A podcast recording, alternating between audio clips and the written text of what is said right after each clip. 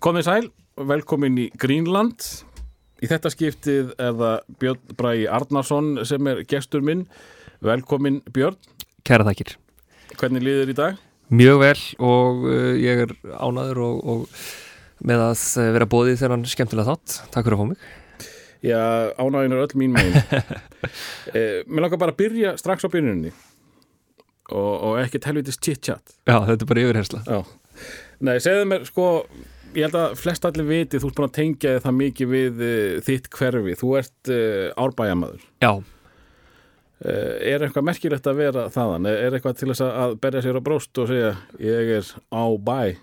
Já, ég held það. Árbæri er rosalega skemmtilegt og líka sérstatt hverfi og ég, hérna, ég bjóð þar alveg ja, frá bara fæðingu og uh, fram á fullónisár þegar ég flutta heimann. Ég er reyndar ekki sko búið sjálfur þar sagt svona á fullónisárum verið í miðbænum síðust ára en, en hérna en já, ég var þarna fyrst í Römbænum og svo í Selaskörfi hérna, bjóð í Þingási þar sem að fóröldar mínir búa ennþá og árbæri mjög skemmtilegt hverfi, mjög litríkt og mjög skrautlegi karakterar mikið af rugglutöllum og, og, og hérna og svona á skemmtilega nátt og, svo er þetta bara fallett hverju líka, við erum elli á dalinn og gaman að skokka stípluna og ég gerir það ennþá í dag að fara hann upp yfir og hérna að skokka þarna og svona og náttúrulega mæta fylgisleiki og hérna þykir væntum hverfið og fólkið þarna sko.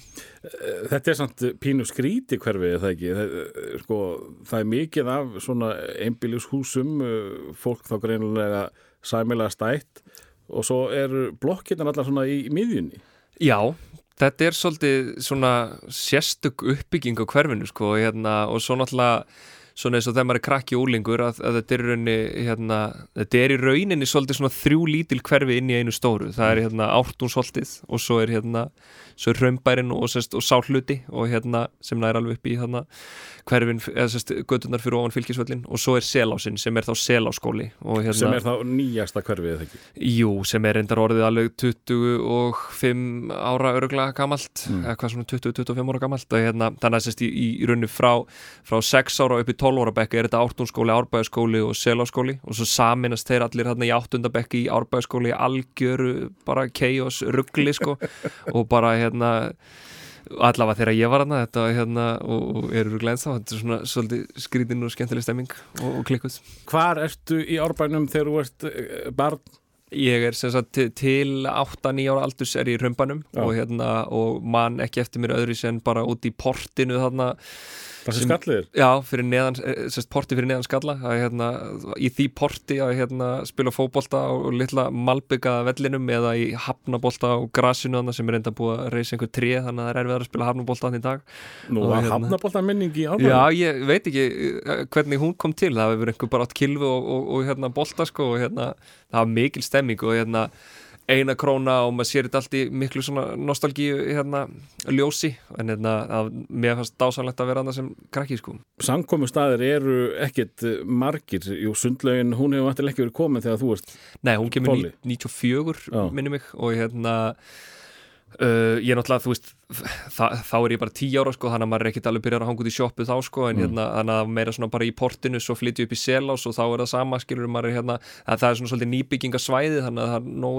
nóg svona uh, bralla þar sko og, og alltaf fókbóltinn þá fór maður út í seláskóla en ekki árbæðarskóla í fókbólta og hérna og svo svona úlingsárunum, ég er náttúrulega í selásnum, hangi bara í sjópunum sem eru þar og það var, þú veist, ný sjópa á hálsásfrest, það gengur ekkit sérstaklega vel að reyka business aðna og ég held að sé engin sjópa aðn í dag. Nei. menn hafa síðan það var fullir enda að verða ríkir að reyka sjópu í selásnum þegar ég flyt aðna, það var bara pínulítill skúr og þar var bara svona kall sem reykt inn í sjópunni og maður fór og hjálpaði hann að raða veist, í, í hillunar og fekk blandi pók verið hundra kall fyrir og, okay. og svo leið sko og hérna og hérna ég maður sérst, á þessum við erum svona 10-11 ára og hérna mikið í því að sko hérna tipp á lengjuna og, og hérna og svona íslenska geturinnir svona 1x2 og, hérna, og hann alveg bara forfallin spilafíkil sjálfur sko.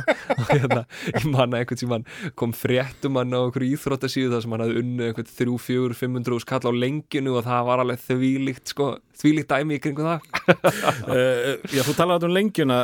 Þú hefur náttúrulega verið tengdur íþróttum uh, á einhvern hátt, þú náttúrulega hefur verið með einhvers konar eh, kappleikja sjónvastætti og, og, og þess þar mm. uh, gerir áfrið að þú hafi sparkað í bolta Já, heldur betur ég hérna bara alveg frá, frá því mann eftir mér var ég að æfa með fylki og hérna og var nú ágætur svona framanaf Mm. og hérna en svo snemma svona kannski vandaði bara einhvern, ég veit ekki, þú veist dugnað og metnað í mig til að svona gera það af einhverju viti og svona fljótlega fór ég að svona, þú veist fara yfir í að vera bara bjöliðsmaður og, og svo svona bara um leið og maður verður rúlingur og fyrir á áhuga á einhverju öðru og þá svona veginn, ég var, ég var svolítið fljótur að detta þar út sko mm. en, en, en hafði alltaf var rosa hérna, mikill fótboll á maður sem krakki sko, hérna, og maður var þú veist út í porti að hérna, spila einhverja leiki bara einn sjálfur í huganum og sko halda mér þess að skor utanum það sko, þú veist, hérna, með mína eigin deilt heima, ég var alltaf algjör nörd líka sko, þannig að hérna Það hefur setið svolítið eftir Boltafræðin eru kannski farin en eh, þú ert, þú ert sami áhuga maður eða ekki? Jú, algjörlega, ég reynda svona, eh, svona hvarf svolítið úr íþrótta svona, eða veist, íþrótta áhugin dopnaðis á úlingsárunum og svona kannski frá svona kannski 13-14 til svona tvítugs fyldist ég rosa lítið með íþróttum. Hvað tekur við þegar fótboltinn bara, ég, ég er svona ég bara droppa alveg út úr íþróttum. Ég er bara svona, hérna hvað tekur við, bara vera hérna þú veist, tónlistin svolítið. Fór að hérna, spila á gítar og hérna eiga mér einhverja draumum að verða einhver hérna, Allar að vera popstjarna? Ég ætlaði svo sannlega að vera popstjarna sko, en, hérna, en, en það var ekkit úr því. Þe- þeir draumar fættust andvana en hérna en hérna já og svo bara hérna hanga og fýblast og ég hérna var alltaf mjög mikið fyrir svona að gera grín og, og rekki og þú veist við hérna Bara frá, frá fyrstu tíð Já, svona frá svona kannski 12-13 ára aldri ég og Mm. hérna Tóti félagi minn vorum bara stanslaust bara að gera símaðut út um allt og bara, þú veist Bara fyrir ykkur sjálfa Já, já, bara, Já. bara við, við vorum ekkert að taka þetta upp eða neitt sko, við vorum bara hérna og það var yfirleitt þannig að sérst, hann gætt gert alls konar svona rattir og ég, ég, svona, ég var svona kannski heilin og hann var höndin ég hérna skrifaði upp eitthvað handrit fyrir hann og var að segja hann um að ringja þangað og, og það var eitthvað sem átt að, þú veist, sem að hann átt að, þetta var mikill metnaður En uh, þú hjekst í kringum uh, popstjörnur hérna á, þessum tíma eða ekki þegar þú ert uh, að verða unlingur uh, Hvaða popstundur eru þá að tala um? Með Eh, Dettur í hug Bent til dæmis? Já, já, já, Rottvalur hundarnir eru náttúrulega úr árbænum. Ég er í tíundabekk þegar þeir vinna músiktilunir Já, þeir eru það mikið eldri en þú. Nei, sko, þeir eru bara Eiki sem hætti nú snemma í hljónstinni DJ Gummo, hann Mm. var góður vinnu minn. Bent er einu ára eldri en ég og hérna Já, og, þeir, það voru bara krakkar sem þeir eru þetta. Já, já, Eiki 15-16 og Bent 16-17 Elvar sem hætti líka snemma, hann er ég tveimur árum eldri en ég. Svo náttúrulega kemur Erpur og Kóboi og er þarna 47 ára eða eitthvað þegar þeir vinna þannig að hérna, það það var aðeins, aðeins annað dæmi þar. En hérna, en já, ég, við vorum félagar líka og ég svona fylgdi með þess eftir og, og, og mætti þarna 15-16 ára að horfa á þá bara, þú veist þv, verða því líkar stjörnur og því lít vinsælir og bara hérna og allt í einu farnir að fá einhverja alvöru peninga þegar maður var sjálfur að vinna fyrir einhvern 700 kall á tíman á kassanum í Nóatúni sko. Þannig að hérna, það er svona eh, kynnti alveg líka á þetta þessar, þessar þrárum að vera popstjörna en, en sko að því þeir fundu uppskristina uh, Íslands drapp var ekki það heitasta í bransanu þegar þeir koma inn. Uh, það hefur verið ekkert blundað í þér herrið, rappiði kannski eitthvað sem að ég meina þú er alltaf komið, geta komið fyr- fyrir þið orði og, og, og, og já, verið mælskur. Já, nei, ég, ég hef aldrei samt sko hef gert einhverja tilunir eða haft áhuga á því að fæ- færa mig eitthvað þátt. Ég er svona miklu meiri poppari og rockari og hérna og þú veist, spila á gítar og, og þú veist og f- geta sungið og svona aðeins og hérna en að ég var svona meiri í einhverjum bílskursljónstum þannig sko mm. að, hérna, en, en, en hafði samt áhuga alveg á þessari menningu líka og rappinu og þú veist, ég meina árbærin náttúrulega sérstaklega á þessum tíma er rosa mikið rapp hverfi sko og það var alveg bara hérna þú veist, maður fór í skólan í áttundabekk og, og kemur ykkur úr af ein ára eldri og bara hérna, nefndu mig tíu rappar, annars lemmi þig. Og hérna og þú máttir ekki hlusta á neitt annað sko, þetta var ekkit eitthvað, hérna, rapp væri cool eða hitt væri ekki cool, það bara annarkvort hlusta á rapp eða þú veist bara útskúfaður. Já. og hérna ég man eftir þú veist að hafa lappað heim með hérna félag mínum úr skólanum og við þarna báðir tveir lúðar með kleru og hérna og hann saði línu sem að ég gleymi aldrei sem var hérna stundum finnst manni bara gott að koma heim og bara þú veist hlusta bara blur og eitthvað en þú máttir ekkert játa það ofinbeglega að þú lustaður okkar Britpop sko Nei, það var vantarlega ekki mjög töff á þessum tíma Nei. uh, Fóreldraðinir, hva, hvað gera þeir? Uh, þau eru sem sagt uh, reka núna fyrirtæki, flutningafyrirtæki lítið fyrirtæki og hérna og pappi er sem sagt sendibílstjóri og flutningabílstjóri þarna og mamma er bókari og, og sem sagt uh, og þau í dag sjá bara um þetta fyrirtæki og eru svona þessum árum bara að, að byrja að byggja það upp Já. og hérna og þarna er pappi bara held ég að keira bíl og, og mamma að bóka hvort hún var að vinna hjá einhverju öðru fyrirtæki þarna Mm. og hérna þau eru svona svona, hvað ég var að segja, millistjættar fólk bara, mjög gott fólk og hérna og, og mjög ólík mér, rosalega róleg og afslöpuð og ekkert mikið að djóka og ekki mikið að rekja fólk sko. Og Já, ég hérna, ætla einmitt að spyrja því, þannig að þetta kemur ekkit frá þeim.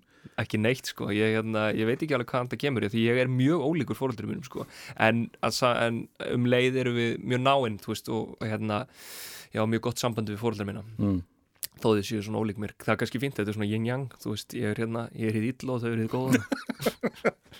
En að því að þú ert ekkit uh, líkur þeim uh, þú bentir mér á þann og bara sjálfur. Þú hefur kunnað allar höfuborgir heims uh, hvað það héttu og þess að þegar þú varst sex ára gammal Já, Er það kannski meira mamma og pappi eða? sko, það er þetta er svolítið fyndið dæmi, sko því ég náttúrulega, þetta, ég, ég, það var einhver minnisbók sem að pappi átti einhver svona, hérna, bara, þú veist, þetta er svona, hérna einhver svona dagbók eða svona einhver vinnubók og í henni var á eftirstu síðan allir fánar heimsins og allar höfuborgir, veist, og hérna Þetta nær uh, augum batna alveg ógeðslega oft. Já, algjörlega. Ég, ég, ég var alveg að kafa í þessu líka þó að ég hef ekki verið einhver snillingur og þú. Nei, ég, hérna, þetta er einmitt eitthvað svona sem bara, þú veist, sem bara, ég veit ekki, grípum mann, þú veist, alveg svo bara svona merki bifreiða og eitthvað svona og hérna, en allavega fánar og, og höfubor, þetta var eitthvað svona sem bara alveg heitlaði mig og, og ég var svona, vorum að keira í sveitina, hérna, hitta föðu fjölskyldun og þar siti í bílnum og er að lesa, maður er náttúrulega ekki með einn iPad eða, eða síma eða þannig, sko, þannig að ég bara í þessum höfuborgum og bara fljótlega var bara komin, þú veist, og svo hefur þau öruglega orðið eitthvað svona þing hjá mér að reyna að læra þær allar, sko mm. og það allavega svona sló mjög í gegn svona eins og í skólanum hjá eldri krökkunum að ég væri þarna einhver, ofviti með risa gleru og hérna að hérna spurja mig út í hvað er auðvörgin í Búlgari eitthvað svona og hérna þarna voru Jói Áspjöss hérna meðal annars, hann er, hann er nokkur umrum eldri en ég Já. og þetta var svona eitthvað sem ég hafði gaman að ég, þetta var svona eins, eins konar partytricks hjá litlu krökkunum Og situr þetta eftir? Manstu þetta eitthvað? já, já, algjörlega ég, Þetta er vantilega komið svo ágætlega þegar þú fóst í, í getur betur og þess að þetta já, það gerði það sko Já, kom einhvern tíma spurningar um Já, höfuborgir? já, það, svo, sko, svo er þetta svo fyndi hérna þetta er svona, þetta er svona að kunna höfuborgir er svona, þú veist, þetta er algjör svona kjölfræði, þú veist, þú, þú veist eitthvað en, en ekkit svona meir en það og, og hérna, maður kannski ef þú hittir einhvern, einhvern tímann frá einhverju mjög skrýtnu landi og getur sagt eitthvað, já, ertu frá hérna, þú veist, já, ég er frá, ég er frá Kyrkistan já, ertu frá Biskek? Eða úr, úr hvað borg kemur? Og hann heldur bara úr sitt ógeðslega gáða, sko, en svo veist ekkit annað en bara akkurat höfuborgina það er hérna, Þetta er uh, sko fínt að koma sér í gang hann já, já það, það, Hann lítur öðruvís á því heldur en mig allavega Ég- getur slegið þessu um sig en, en þó það sé ekkert á bakvið það. Nákvæmlega. Eh, En þú, þú talar um að, að, að sko þú sko búin að minnast á þetta í þrísvar eh, á þessu stutta tíma sem við tala saman að, að þú hefur verið með stóra mikið gleru það greinlega situr í mér. Já. Uh, Ertu þá með linsur í dag? nei, ég, hérna, ég fór í leysir aðgerð Já. þegar ég var hérna 23, eitthvað svo leys en ég, þetta er svona fyndið sko ég hérna, fekk snemma gleru, hvað, svona 5-6 ára og rosalega fjarsýn plus 5, 5,5 eitthvað svo leys þannig að ég var alveg með bara stór og þykk gleru bara svona þessi stækkuð augun. Og hérna og, og þau voru ekki veist, að skoða myndir núna í setni tíð maður er bara, þú veist, heyrðu, látiði barni fá aðeins minni gleru, sko. Það er algjörður rugl, sko.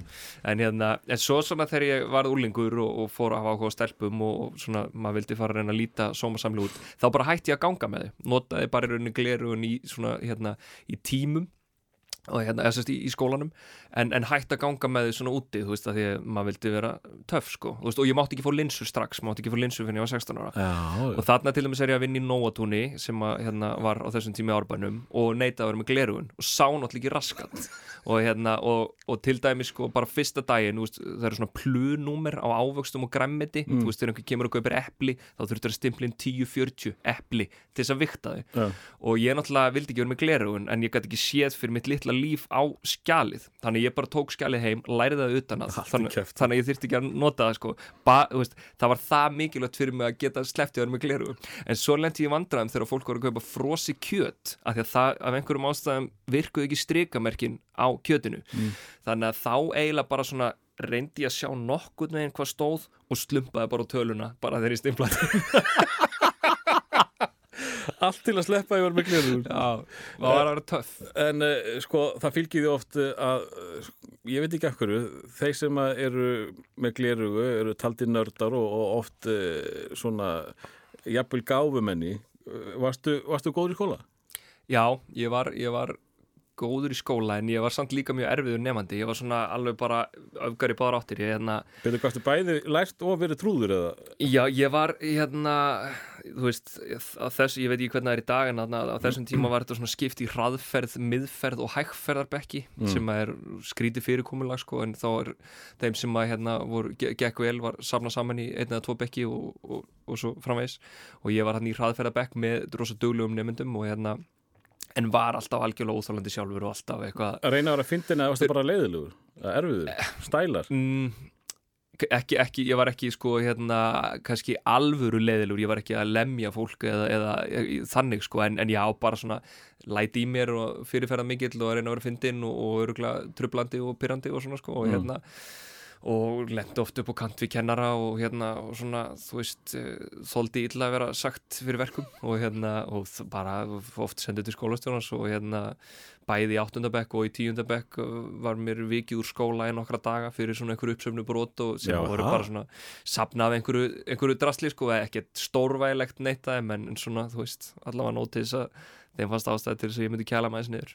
Eh, og eins og þú tala þá heyrðist mér þetta ekki vera beint líkt fóröldinniðinum Nei, alls, alls ekki sko. Og, og ekki systrum mínum eða fjölskyldinu heldur sko, ég, hérna, þetta er svona einhver, einhver hérna, ég veit ekki, rebel í mér, Þetta er árbærin, Já. þetta er árbærin að tala. ákvæmlega. Uh, þú, já, þú talar um að hafa verið reikin úr, skóla nokkur sinnum en uh, þú náður alltaf, náður alltaf strik eða ekki, þú, þú Jú, jú, ég, skorar alveg bærilega þegar þú kveður árbæja skóla eða ekki. Jú, jú, algjörlega hérna og, og átti ekkert eh, erfitt með að læra og hérna og, og í rauninni, þú veist, hefði alveg geta gert svo sem kannski ennþá betur en, en jú, ég bara úst, og, og já, ég var samt ekki einn af þeim sem bara gaf skíti í námið og þannig sko, ég hérna kláraði prófun alltaf sómasamlega og hérna og, og kláraði samræmdun og vel til þess að komast inn í vestló og svona og þannig að það var alltaf alveg, alveg líka einhver metnaður þó að, hérna, þó að ég væri svona með læti Mm -hmm. Því vorum að minnast á bent á þann, uh, Bent var sko miklu meiri töffari heldur en ég sko Já. á þessum árum var ég bara hrættur var hann strax töffari? Ég, ég sé hann ekki fyrir mér sem nörd eða... Nei, já, ég, ég held að mig alveg segja að hann hafi hérna, strax verið töffari hann hérna hann er einur eldri en ég og, Mm. og er úr hópi sem á svona hérna líka mjög fyrirferða mikill og ennþá fyrirferða meiri heldur en ég nokkuð tíman og maður var bara svona það var svona óttablandin virðing fyrir þessum gæðum maður vildi alltaf ekki vera tekin fyrir að þeim sko. Mm. þannig að maður var svona að reyna me- meira að reyna að vera í mj- mjúkin hjá þeim sko. Og hérna, en ég, við, við, ég og Bent vorum einhvern tímann saman sendið til skólastjónars fyrir að sprengja einhverja flugvelda í matsalnum og, og hérna. Þú varst að tala um einhver smáatrið, veist þetta nú alveg, þetta er alveg, þetta er alveg í lægi, það má alveg setja þetta í bókina já, það verður að vera maður verður að, þetta er ekki þetta var hérna, þetta var glæpur án fórnalams En þú talar um að hafa verið einhvers konar skoppari. já, það varði samt ekki, ekki út skólan sko, máli var að hérna Var, var, það, fyrirgeðu, var það hérna bara til að, að uh, vera eins og hinnir? já, já, 100% sko Já, þú 100%. varst ekkert uh, skoppari heima hjá þér. Þú varst ekkert í, í Old Dirty Bastard allan daginn. Jú, maður alltaf bara keipti sér fött og gekk í þeim sko, þú veist, Mm. bara því að þetta verið tísku þarna og svo er eitthvað annað í tísku dag sem allir verða verið í ætla að vera inn, skil, þú veist, þetta er bara alltaf það er eitthvað tíðarandi og þú bara á þessum aldri einhvern veginn 95% bara ákveða að fara þá leið einhvern veginn. En Svo hérna, gerist eitthvað. svo gerist eitthvað sko, svo, Svo gerist hérna, eitthvað, sko. Já, svo er vor í lofti og hérna og uh, þannig er þetta svolítið sko á þessu tíma, þetta er svona late 90s, Mm. þetta er svona uh, þú veist, ég, ég, ég veist, hvað 97 og 98 er ég í 8. og 9. bekk og svo 99 byrja ég í hérna, 10. bekk og hérna, og þá er ég svona þú veist, farin að þess að færa út kvíðarnar og, og hérna og þá tek ég bara með, af því að þarna eru bara sagt skopparar, svona rap-hópurinn og svo eru tjokkóar sem er svona FM-hópurinn Mm. og hérna þú þekki nú vel þetta, þessa, þessa baráttu Jú, vissulega, ég, ég held, nefnilega að skopparar lítur svo mikið niður á, á, Já, Choco. algjörlega, það var þannig Það fer engin úr skopparahopnum niður í Choco-hópinu það? Nei, að, sko, ég, það fyrir eftir hvernig þú lítur á það hvort þú ert að fara niður eða, eða til hliðar eða upp á við sko. en, hérna, en, en, en svo náttúrulega bara átt að maður á sig á því að sko, skopparnir, jú, þeir voru kúl en þeir voru ekkert að fá mikið að stelpum endilega sko. þannig að hérna, ég, hérna, nú hætti ég að skoppar yfir Choco. Og það gerðist eiginlega bara einum degi. Þá bara lagði ég öllum skoppara klæðnaðinum fór í Jack and Jones, kefti mig dress og hérna og bara fór að stunda ljósabekkina og hérna, og ég var bara um Choco. Mætti bara, mætti í tíundabekk sem Choco Þú mætti bara tilbúin Já, í já. hitliði bara eins og páskaegg í framann bara, ég var svo brúnn og hérna og, og bara allir pakkin sko. Og ég, ég meiri þess að sko, ég gerði í því þú veist, ég, ég, var ekkit eitthvað svona þetta var ekkit svona hæg transition eitthvað, Nei. ég var alltaf í einu komin í aðeins þrengri ból eða komin í eðlilega buksur, alltaf skopparfutin þannig voru alveg svakalega íkt þú veist, ótrúlega víð og stór og mikil sko, en nei, það var bara all in, bara strax á fyrst degi, bara nú er hún tjókum og, og uh, var eitthvað vesen uh, Nei, þarna náttúrulega er ég búin að losna við eldri gaurana skilur þannig að ég slappi böggi frá þeim. Og hérna og svo það voru nú einn og einn svona alveg eh, töffari sem voru tjokka og líka og menn er orðinir aðeins svona afslappari gagvart þessu svona Já. þarna í tíundabekk þannig að hérna, já, já, ég, ég, ég komst alveg upp með það, þessu breytingu. Og, og, og gekk þetta upp? Já, Uh, ég eignast minna fóru fyrstu kæristu bara eftir tvær vikur sko Þetta, hljóma, þetta er kannski ágættis uh, saga fyrir þá yngri hlustandur það núti að uh, það er allt í lagi að fara í súkuleði Já, klárlega, Ha? klárlega. Og, og það, þú varst alveg á því að það hafi svín virkað og gert gott fyrir þig? Já, ekki spurning sko. Þú sér, hvað ég er í dag.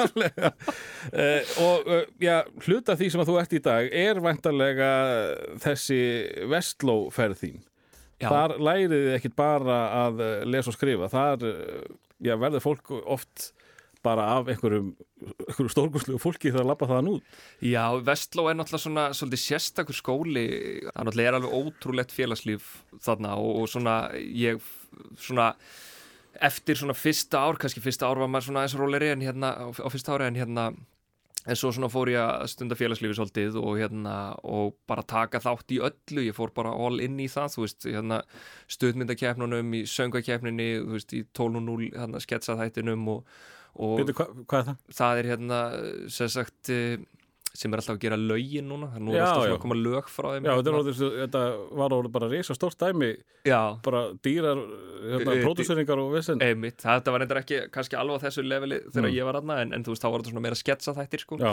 og svona, þú veist, taka upp á böllum og viðtöl og, og svona svo leið sko og svo hérna svo fer ég á endanum í ræðuliðið og er þar út skólagönguna og svo ég getur beturlið einn vetur. Þannig að það var svona, ég, ég var alveg bara fór allalegið í félagslífunu en, en námið kannski satt aðeins á hakanum en, en, en samt syndi ég því svona nóg mikið til þess að komast í gegnum skólan mm en þegar þú kemur inn þannig þá er ekkert pláss fyrir eh, einhvern lítinn nýjan egoasta, er ekki svo mikið á stjörnum hann Jú, það er það og ég meina hverjir eru stjörnunar þegar þú dettur inn, varstu það? Sko þegar ég kem í Vestló þá er náttúrulega Þorvaldur Davíð bara eh, þvílík stjarnar bara á bara guð. landsvísu sko. Og, hérna, og bara búin að vera badnast hérna í mörg ár og er bara algjörlega the, the hottest shit þarna sko. Og hérna manni fannst bara merkilegt að hitta hann og spjalla við hann. Bara, svona, bara næstu í starstruck sko.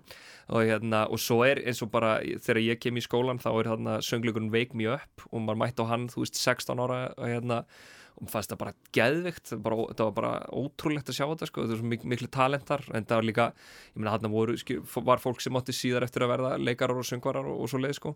þannig að maður alveg svona heitlaðist þvílíkt og, og hreifst með og, og svo skilur gömlu vinni mín úr árbænum sem kannski litur svolítið nýr á Vestló Vestló þótt ekkert töff ef þú varst ekki í Vestló Mm -hmm. Og ég bara, þið veit ekki hver er að missa af sko. þetta er bara, þetta er geggjað þarna kynist ekki þarna Jónsson bræðrunum og eitthvað svoleiðis Jú, þannig er sérst, uh, Jón Ragnar Jónsson Jón Jónsson, tónlistamæður, hann er hérna hann er einu ári yngri en ég og við, við kynnust þegar hann kemur inn í skólan, svo er þetta Friðrik Dór er fjórum árum yngri, Já. þannig að ég svo sem kyn, kynnist honum löngu setna mm.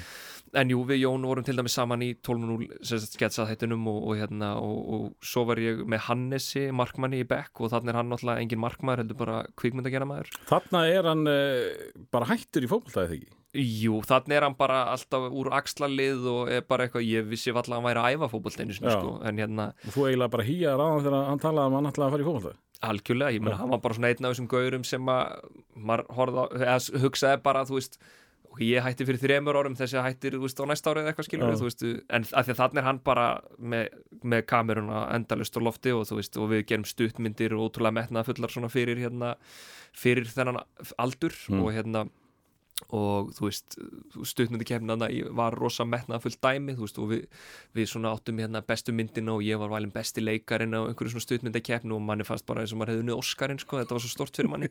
Og hérna, og svo fyrir við saman í 12.0 hérna við Hannes og, og erum, veist, miklu félagar.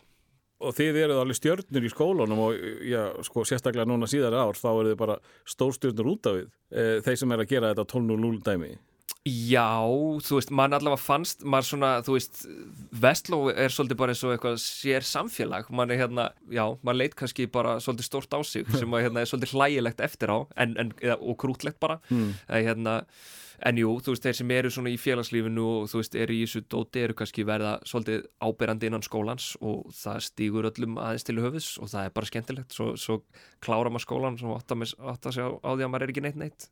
Þú talaði um það að þú hefur áttið drauma um að- að vera uh, popstjarnar reyndur ekkert fyrir þér í þessum söngleikjum? Varstu bara videónörd uh, ég, ég fór fyrsta, fyrsta árið mitt fór ég í pröfu fyrir söngleikin og það sko það var bara disaster, ég var bara svo stressaður og hérna, maður var alltaf bara hérna, algjör kjúklingur, þú veist, kom út á árbánum með það aldrei sungi fyrir neitt áður skilur og ég man ekki hvort þetta voru, þú veist, Jón Ólafs og Gunni Helga eða eitthvað sem maður voru að kasta þannig í, í söngleikin og hérna og maður bara allt í einu hittur bara einhverja fræga Íslendinga og átt að fara að syngja fyrir þá og bara, þú veist, það bara, ég, var svo stressað það var bara ræðilegt, sko.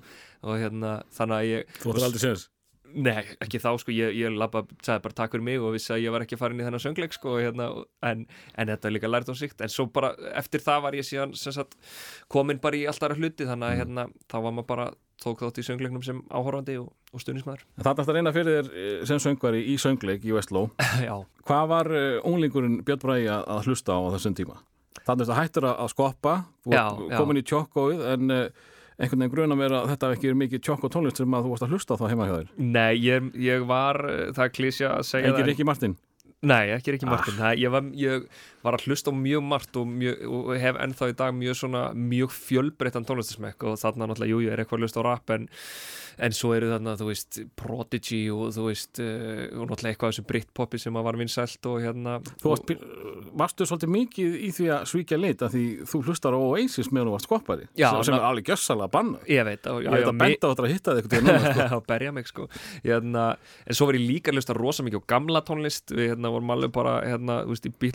og Stones alveg bara eh, Beatla hérna, Beatla sjúkir sko ég, og- það? ég og veit það ekki alveg sko. Það er, bara, ekki, það er ekki heimilið heldur nei, Ertu vissum ekki- þú sést þeirra? Ég- Nei, ég er alls ekki viss sko Nei, ég hérna fór uh, í morfísliðið ég sem sagt, það var bara var til vegna þess að ég tók þátt í innanskólaræði keppninni og þótti standa mig ágætla þar og, og var búið að spreita mig í morfísliðinu og hérna og Kom, það, það, ekki, kom þeir á óvart að þú værir góður í þessari íþrótt þessari ræðulist Já, ég, ég veit ekki ég, hvorki nýjæla, ég, ég var svo sem ekkert að stefna þess og hafði ekkert sérstakann áhuga á ræðukeppnum eða þannig eða fylgst eitthvað með þeim en, en hafði samt held ég alveg trúa mér í, í þessu sko. Mm. og hérna og við vorum að gera ágættu hlut það er svona innanskólaræðukeppni þarna eins og í mörgum skólum og, og svo var mér búið að spreita mig í morfísliðin og það gekk bara mjög vel og, og hérna við endum á að fara bara alla leið þetta fyrsta ár og unnum morfís. og þá var einhvern veginn ekkert aftur snúið og svo var ég, var ég í liðinu þarna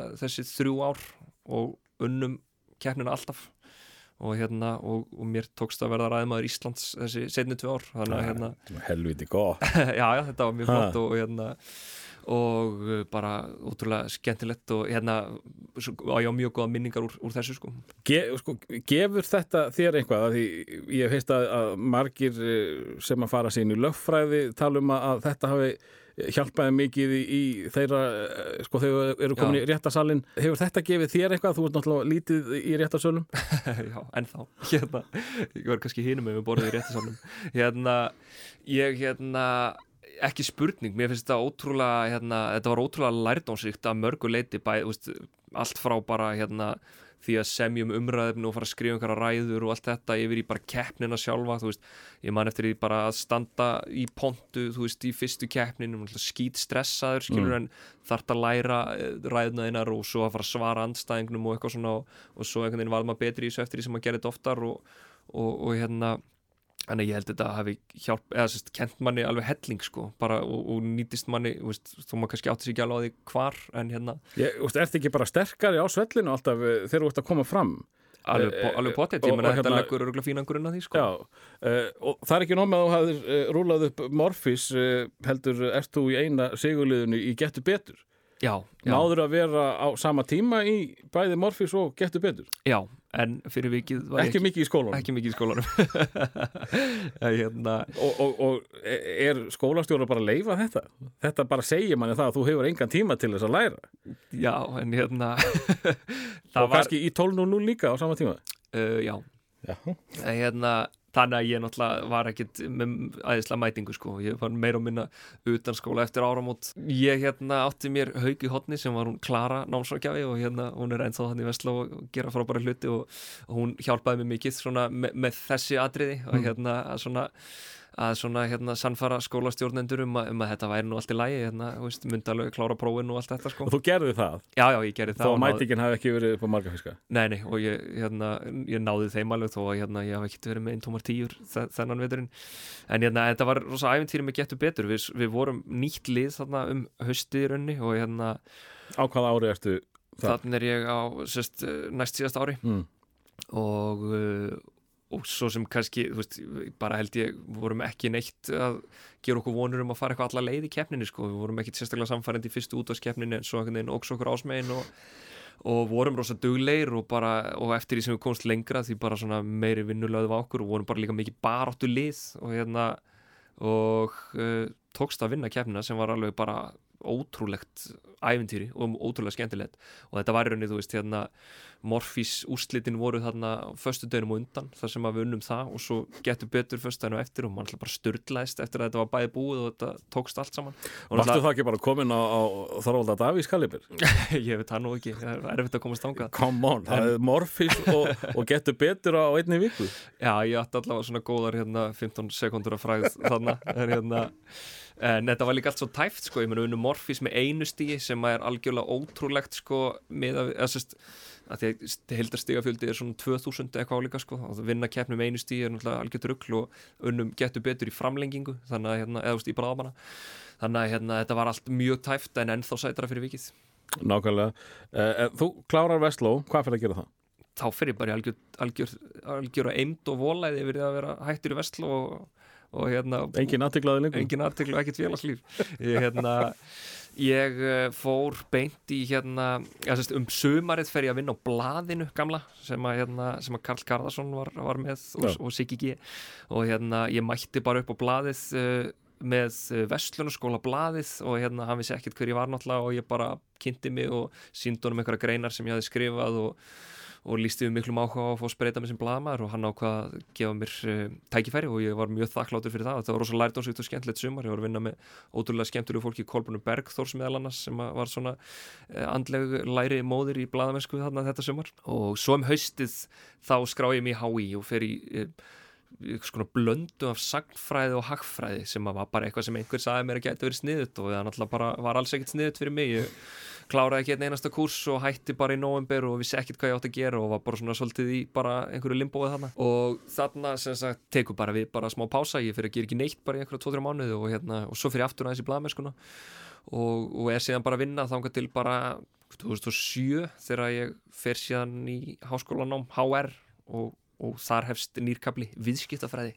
Viðskiptafræði og, og það ætti kannski ekki að koma mörgum á óvart komandi úr Vestló í það. Nei, það er rosalega hérna, beinn og breyður vegur Já. úr Vestló í, í HR í viðskiptafræðina. Og, er- og þú segir 2007 þannig að þú ætlar að vera ríkur eins og allir hínir heldur betur maður. Nei, það var svo sem ekkert sko ég var alls ekkert með einhver dollaramerki í augunum eða, eða eitthvað þannig sko og ég var ekkert byrjar að pæla neitt svakalega í einhverjum þannig málum það var svona meira kannski bara þú veist, þarna voru tvö ár síðan ég útskjáðast úr mentaskóla og var búin að vinna í svolítinn tíma og bara svona fannst komið tíma að gera eitthvað annað og láka Mm. alltaf að fara í eitthvað framhaldsnám og, og góðir félaga mínir voru að fara í þetta nám og mér leist ágætlega á það og hvað bara að slá til. Og, og ég svo sem var alveg pínu svona, kannski pínu stund að komast inn í það og svona fá áhuga á því en svo gerist það algjörlega og ég, ég kláraði það bara með glæsi brag og, og þú veist, og, og hafði, fekk mikið áhuga á þessu En uh, þú ákvæmst samt ekki að uh, vinda þér beint í viðskiptin eftir að klára þetta? Sko ég klára árslok 2009 sem sagt, og, og þá er ég bara að plana að fara í framhaldsnám byrjar að skoða háskóla Erlendis og, hérna, já. og ætlaði að fara til Barcelona og er búin að skrá mér öll svona próf sem þarf að taka, hérna, þú veist svona einhver ennsku próf og TOEFL og eitthvað svona og, og þá fæ ég símtal úr óvæntri átt frá hérna Snorra Baron sem að hérna var þarna með Monitor tímaritið. Þarna er Monitor götublað sem kemur út mánalega Atli Fannar sem er núna nútímanum var hætta þar og uh, svona ég hafði unni með Atla og, og fleirum sem að komu að þessu Monitorblaði í, sérst á blaðinu þannig í gamla daga. Já, Monitor, uh, það, það var ekki blaðið sem tengdist mokkanum við það. Það var það síðan Það var það síðan. já, já, þarna sem sagt uh, þarna vantar nýjan rítstjóra og, og, og Snorri ringir í mig og, og hérna og kynir þetta dæmi fyrir mér og mér fannst það bara mjög spennandi og svona ákveð að, að prófa það aðeins og býða þess með að fara í framhaldsnám og hérna Hefur eitthvað hugmyndum af hverju hann pikkar í þig, búin að vinna í arfaða mánuði sem blaðamæður? Uh, ég var náttúrulega búin að vinna örgulega alveg í svona tvö ár með, í, í blaðmennskunni eitthvað og með allafannari sem var fráfarandi rítstjórið þarna og, og hérna Hrefnu Björk sem að, hérna, var líka eitthvað að starfa á mónitor þannig að þau svona þekktu vel tíminu höfðunni með mér og svona og hérna.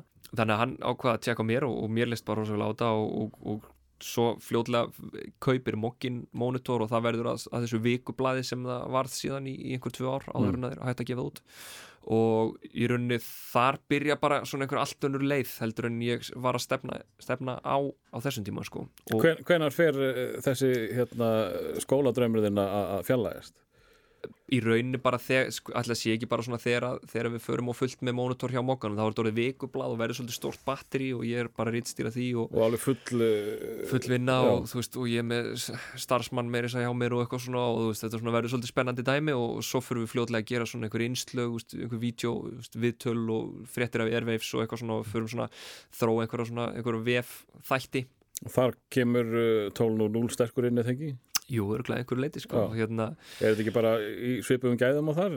Þetta var ekkit með 12.0 bestu...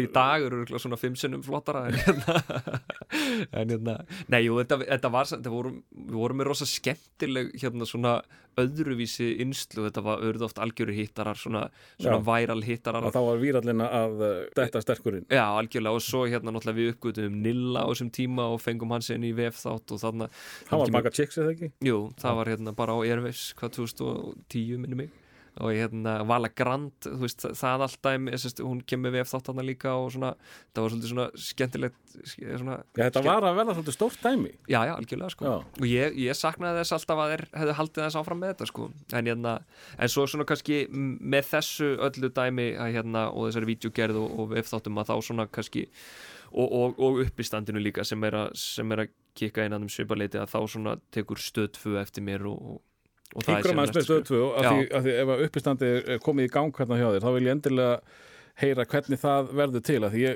var að tala við sögu Garðarsundaginn Mhm. og hún saði mér að uh, hún og Ugla hefði verið að heita upp fyrir ykkar fyrsta gig Já, þið hafi ekki beðið þær um að koma aftur það er ekki alveg rétt hérna, hennar saga það hefur verið sko, strákarnir voru búin að taka einhver svona fjögur, fimm kvöld eh, svona á hinum og þessum bara skemmtistöðum, voru búin að vera á hérna príkinu einu sinni og hérna batterínu minni mig sem að, hérna, sem að var nú ekki langlíft. Og, og, og svona uppistand á skemmtistað er ekkert sérstaklega gott svona, eða gott venjú fyrir uppistand sko.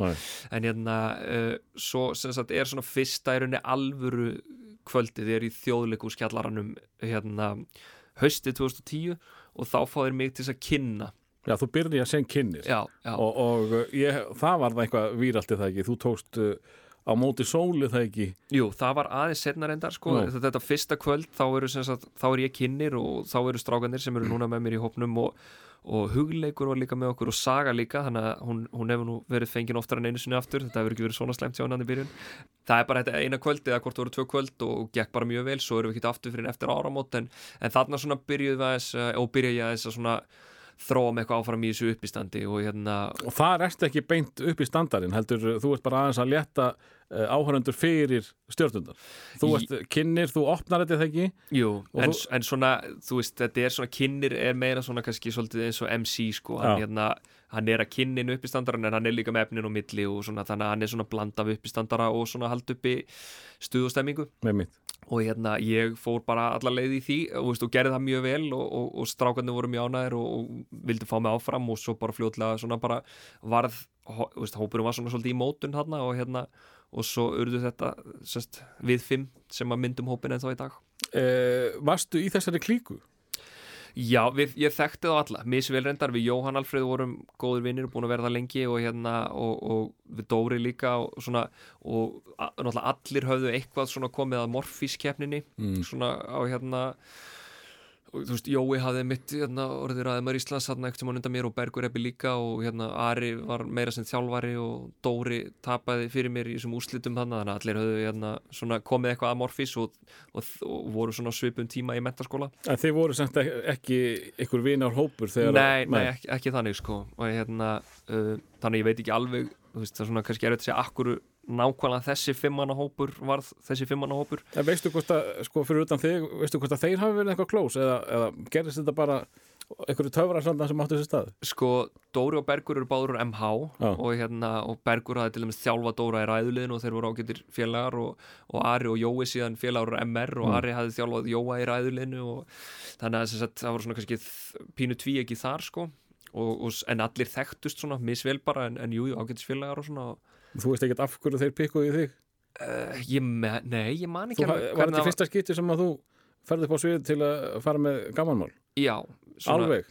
já, svona gaman eða svona uppistand, sko, veist, eitthvað, eitthvað annað en bara einhverjar ræð, ræður og svoleiðis og eitthvað svoleiðis tótt, sko Og, uh, Sko, í þínu morfissi, Já, þrjú ár, uh, þrefaldur sigurfegari, uh, varstu að vinna eitthvað með grín og gís þar? nei, það er nefnilega svolítið fyndið að þar var ég alltaf alvarlega gæinn Já, það var ekkert grín. mm, voða lítið, sko, hérna þar var svona þú veist, uh, þar var gæinn sem kom undan mér var svona djókurinn, sko og hérna með mikinn húmór og mikið grín og svo mætti ég og var rosa alvarlegur og reyður og hneykslaður og, og yfir því hvað andstæður nokkað væri nú að mæla með fárálegum hlut og, og voða lítið grín, mikil alvara sko þannig að það var svona svolítið minn styrklegi þar og það sem var lagt upp með í morfi sko Hmm. en ég náttúrulega er uh, þú veist mikill- Fárálega fyndingur. ég ætla ekki að segja það, ég ætla að segja ég náttúrulega er mjög, mjög hérna mikill bara djókari og, hérna, og, og mjög, hérna, tek hlutum mjög lítið alvarlega Mm. og, og er alltaf mjög stutt í grín og, og þannig sko, þannig að, þannig að það er miklu meira minn karakter heldur en að vera eitthvað alvarlegur og nexlaður sko. Já, svona gæt mann alveg, alveg skinja það bæði í þessum videoklippum og, og mónutorblaðinu þínum skrifum að, að þú værir örgulega ekkit leiðilegasti maður í heimi. Að það væri, það örlaði á húmor hann einhverstað já, já, algjörlega, algjörlega. Og, og þetta sem sagt gekk bærilega en önnur sýning ekkit fyrir eftir áramót einhverju mánuðum síðar eða hvað Já, svo eru þarna einhverjar, ég veit ekki 5-6 sýningar, þú veist, hvort það var februar og mars, april eitthvað svo leiðis og á einni þeirra tek ég þetta á móti sólatriði þarna upp á þig. Já, þannig er einmitt, sérst, tengist þetta MBL, sérst, vefþáttadæmi aðeins að því að sérst, þeir fóru að gera svona uppistandsklippur úr kjallaranum sem að voru síndar á MBL Mm. og meðal annars var einn klippa með, með þessu atriði sem að var mjög vinsælt og, og væral um vorið. Og og það var svona fyrstu kynni mín af því að, að svona vekja einhverja aðtegli út á við eða svona þú veist einhverja alvöru aðtegli og svona eitthvað fólk fær að taka eftir mér og hérna og ókunnugt fólk aða mér á Facebook og allir þessi pakki og hérna og það var bara mjög, mjög skemmtilegt og hérna og, og það var svona já þú veist og það gaf manni bara ennþá meiri metna fyrir að gera meira í uppistandi. Mm. Varð með Íslandi það þótti frekar uh, töff mjög snemma var ekki bara árið síðan, hefði nú bara fyrir við í fleiri sýningar, nú bara gerum við nýtt sjó eða uh, tók þetta einhver tíma að verða að þessu batteri sem þetta er í dag sko, þetta var svona, bara, ég myndi segja að þetta hafi bara vaksið hægt og rólega, sko, Mm. hérna, veist, þennan vetur þarna 2010-11 erum við með, hérna, erum við með nokkra sýningar bara í kjallaranum og þá er þetta svolítið svona bara vinir og kunningjar og vinir þeirra sem á voru að mæta og maður svona, þú veist, manni fannst maður þekkja svona alveg þriðung af salnum, sko, svo erum við sem sagt veturinn 2011-12 þá erum við eitthvað aðeins um haustið og ákveðum síðan uh, í áspyrjun 2012 að fara á stóra sviðið. Það var einhver leiksýning þar sem að hérna, veist, það var allavega laust stóra sviðið, e eitthvað eitt kvöld og þeir buðu okkur að prófa að vera með sýningu þar og hún endaði að seljast upp og seldi með bara sýningu og bætti við annari og það endaði að vera einhverjar sex sýningar, þannig að við fengum þann inn, þú veist, ég veit ekki, 3000 manns eða eitthvað svo Já, og það var svona náttúrulega rosa stórt dæmi fyrir okkur og, og gaman og hérna að svona, þá var þetta orðið svolítið alvöru og hérna Ég þá var vantilega þurft að setjast niður og, og hugsa máluna þessu upp á nýtt að því þetta var ekki bara flip lengur, þetta var bara orðin business. Já, svona kannski að að einhverju leiti og hérna, og svo, svo næsta vetur og eftir, þá förum við í kjallaran bara með markvisa sýningaröð, bara Mm. tökum bara póster og, og hérna, og það er bara þarna verður bara sýning í kjallaranum eins hérna og mun rúla bara næstu helgar, byrjum janúar 2013 og, og þú veist, þær enduð á að vera 30-35 sýningar eitthvað svo leis og svo veturinn þar á eftir fjölgaðum um helming og, og það er svona svo fjöldi sem við verið í síðustu þrjú ár, svona 60-70 sýningar á vetri. Já, og, og uh, sko, þið eru bara dottnir í einhvern svona bakalút gýr um jólin, það er alltaf uppsett hjá okkur.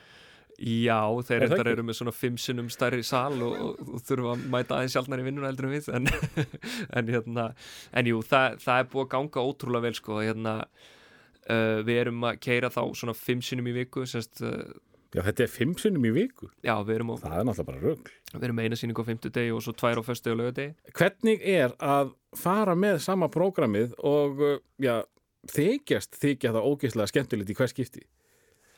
Það er ekkert skrítið sko, ég hérna og, og, og sko, þú veist, auðvitað verður prógram og, og bytt eins og við segjum, þú veist, það sem við erum að taka eitthvað topic fyrir og hérna getur við ekki 1, 2, 3 mínútur eða eitthvað leiðis, það verður alltaf betra og þéttar eftir því svo í rauninni bara flytur það oftar og færið meiri reynsláða og sérðu ok, fólki finnst þetta að fyndi, það er alltaf minna þessu, kannski getið þróa þetta eitthvað, þú færið einhver aðtöðsend frá hérna, félagaðinum sem er, var ekki sniðt bandaríkjunum þessi stóru grínst eru kannski að túra með sama efni í tvö ár, tvö, þrjú ári eða eitthvað og, hérna, og, og þá fyrst fara þeir að taka upp spesial og þá er þetta orðið alveg ótrúlega þétt sko. En þeir túra um landið, þið eru alltaf á sama stað, þið eigi alveg hættu að, að sko, brjálaðar aðdáðandi komi eh, tíu sunnum í röð.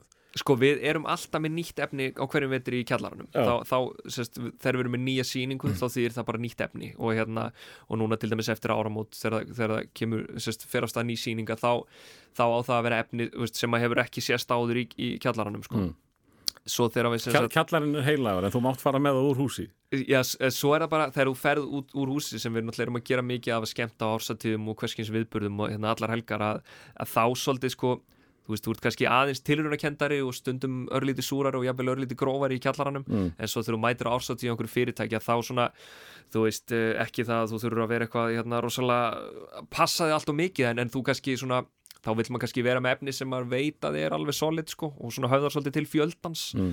og hérna, þannig að þá fyrir vikið jú, einhver sem hefur komið á sýningunni í kjallaranum og kannski sé mann á okkur öðru fyrirtæki upp í standi þá kannski heyrir hann svolítið sömu brandarana það getur alveg gerst sko en, hérna, en við reynum alltaf að uppfæra þetta svona uh, hægt og rólega. Þú fjast símtal frá stöð 2 já, upp úr þurru. Já, og þá varstu, jú, búin að vera reitstjóri og bladamæður en eh, þeir vildu meira, þeir vildu fá kallin í, í sjónvarpið. Já, það var draumur hjá mér á þessum tíma. Mér, mér langaði þarna að taka næsta skrif og fara í sjónvarpið og hérna, við vorum búin að gera mikið efni á netinu. Og uh, svo um vorið hvað helst ekki, vorið 2011 þá fæ ég símtal frá Kristoffer Dignus sem að var að hérna, framleiða öll og sveppa þættina og, og var að fara að, að, hérna, að setja stað nýjan þátt sem ætti að koma í staðin fyrir þá og, og hann nefnir um mig hvort að ég hafa áhuga að stýra þeim þætti sem og eftir að þróa hver verður og það var eitthvað sem mér fannst ótrúlega spennandi og, og, og, og já, það var mjög svona mjög spennandi og skemmtilegt símtal að fá Mm. og hérna og, og ég fór síðan að spjalla við þá og, og bara listi ótrúlega vel á og það var ekki spurninga, það var það sem ég vildi gera Hvernig gekk það? bara týnda kynslaðin Mm. það, það bara hérna það gekk bara vel það var svona hérna Þú, þú svolítið- kæst nýla með þér í það eða ekki? Jú, og Þórun Antonija Já, við, hérna, við Þórun hérna, komum svona saman og, og síðan hérna Uh, svona sem tvíegi og hérna og fengum síðan nilla þetta um sumarið og þetta var svona svona skrítið en skemmtilegt þríegi í rauninni sko. Og, og jú ég menna við veist áttum að vera með þátt í heilan vetur veist sem er alveg mikið meir en að segja það sko að gera 32 hérna sjónvastætti sko. Og það var alveg, ég menna þetta var alveg strempi í byrjun við svona sem vorum náttúrulega öll að stíga okkur inn í fyrstu skref í svona einhverju alvöru sjónvarsframleyslu svona að gera einhver 20-22 minna þátt sko. Og það var alveg challenge í byrjun og margt sem að manni fannst eh, koma ill út og, og við vorum svona eh, svolítið að hérna að læra á meðan við vorum að gera mm.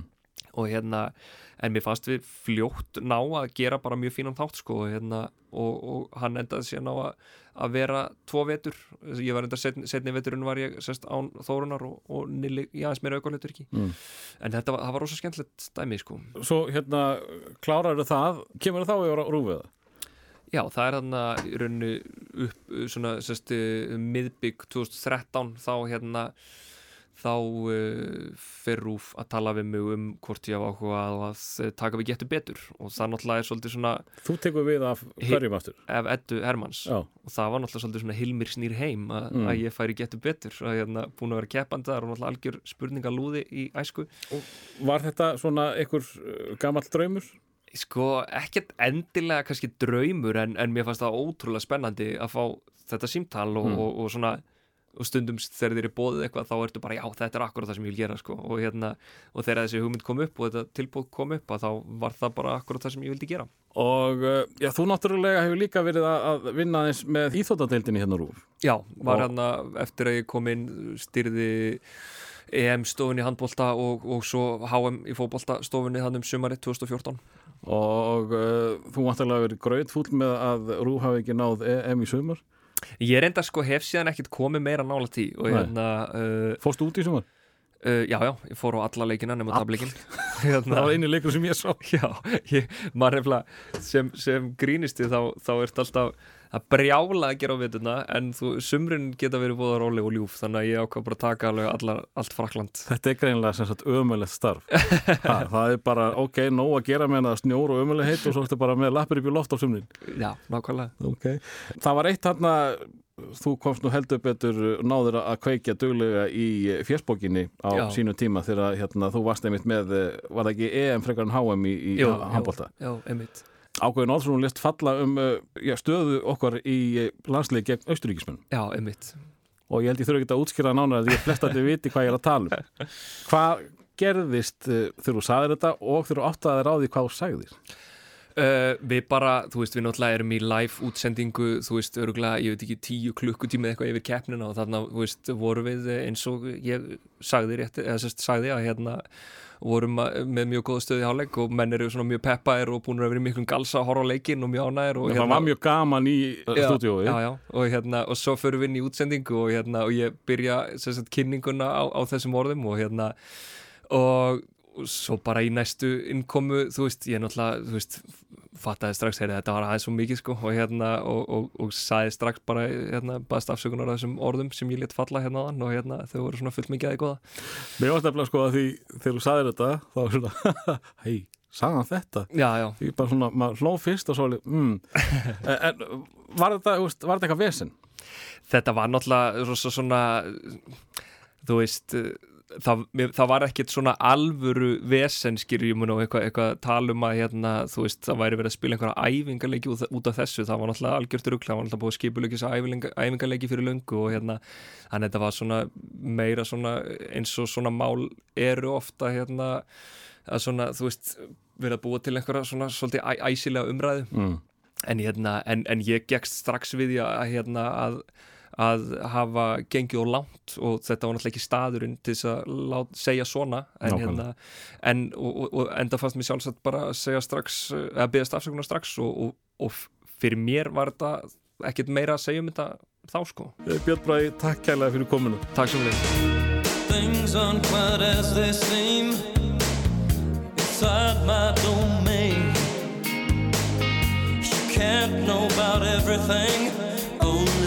affliction and pain. Wonder why I come here, head to my hands. Where else can I be cured? And the king of your mansion, a bone in your side, and a child to protect. That claims he's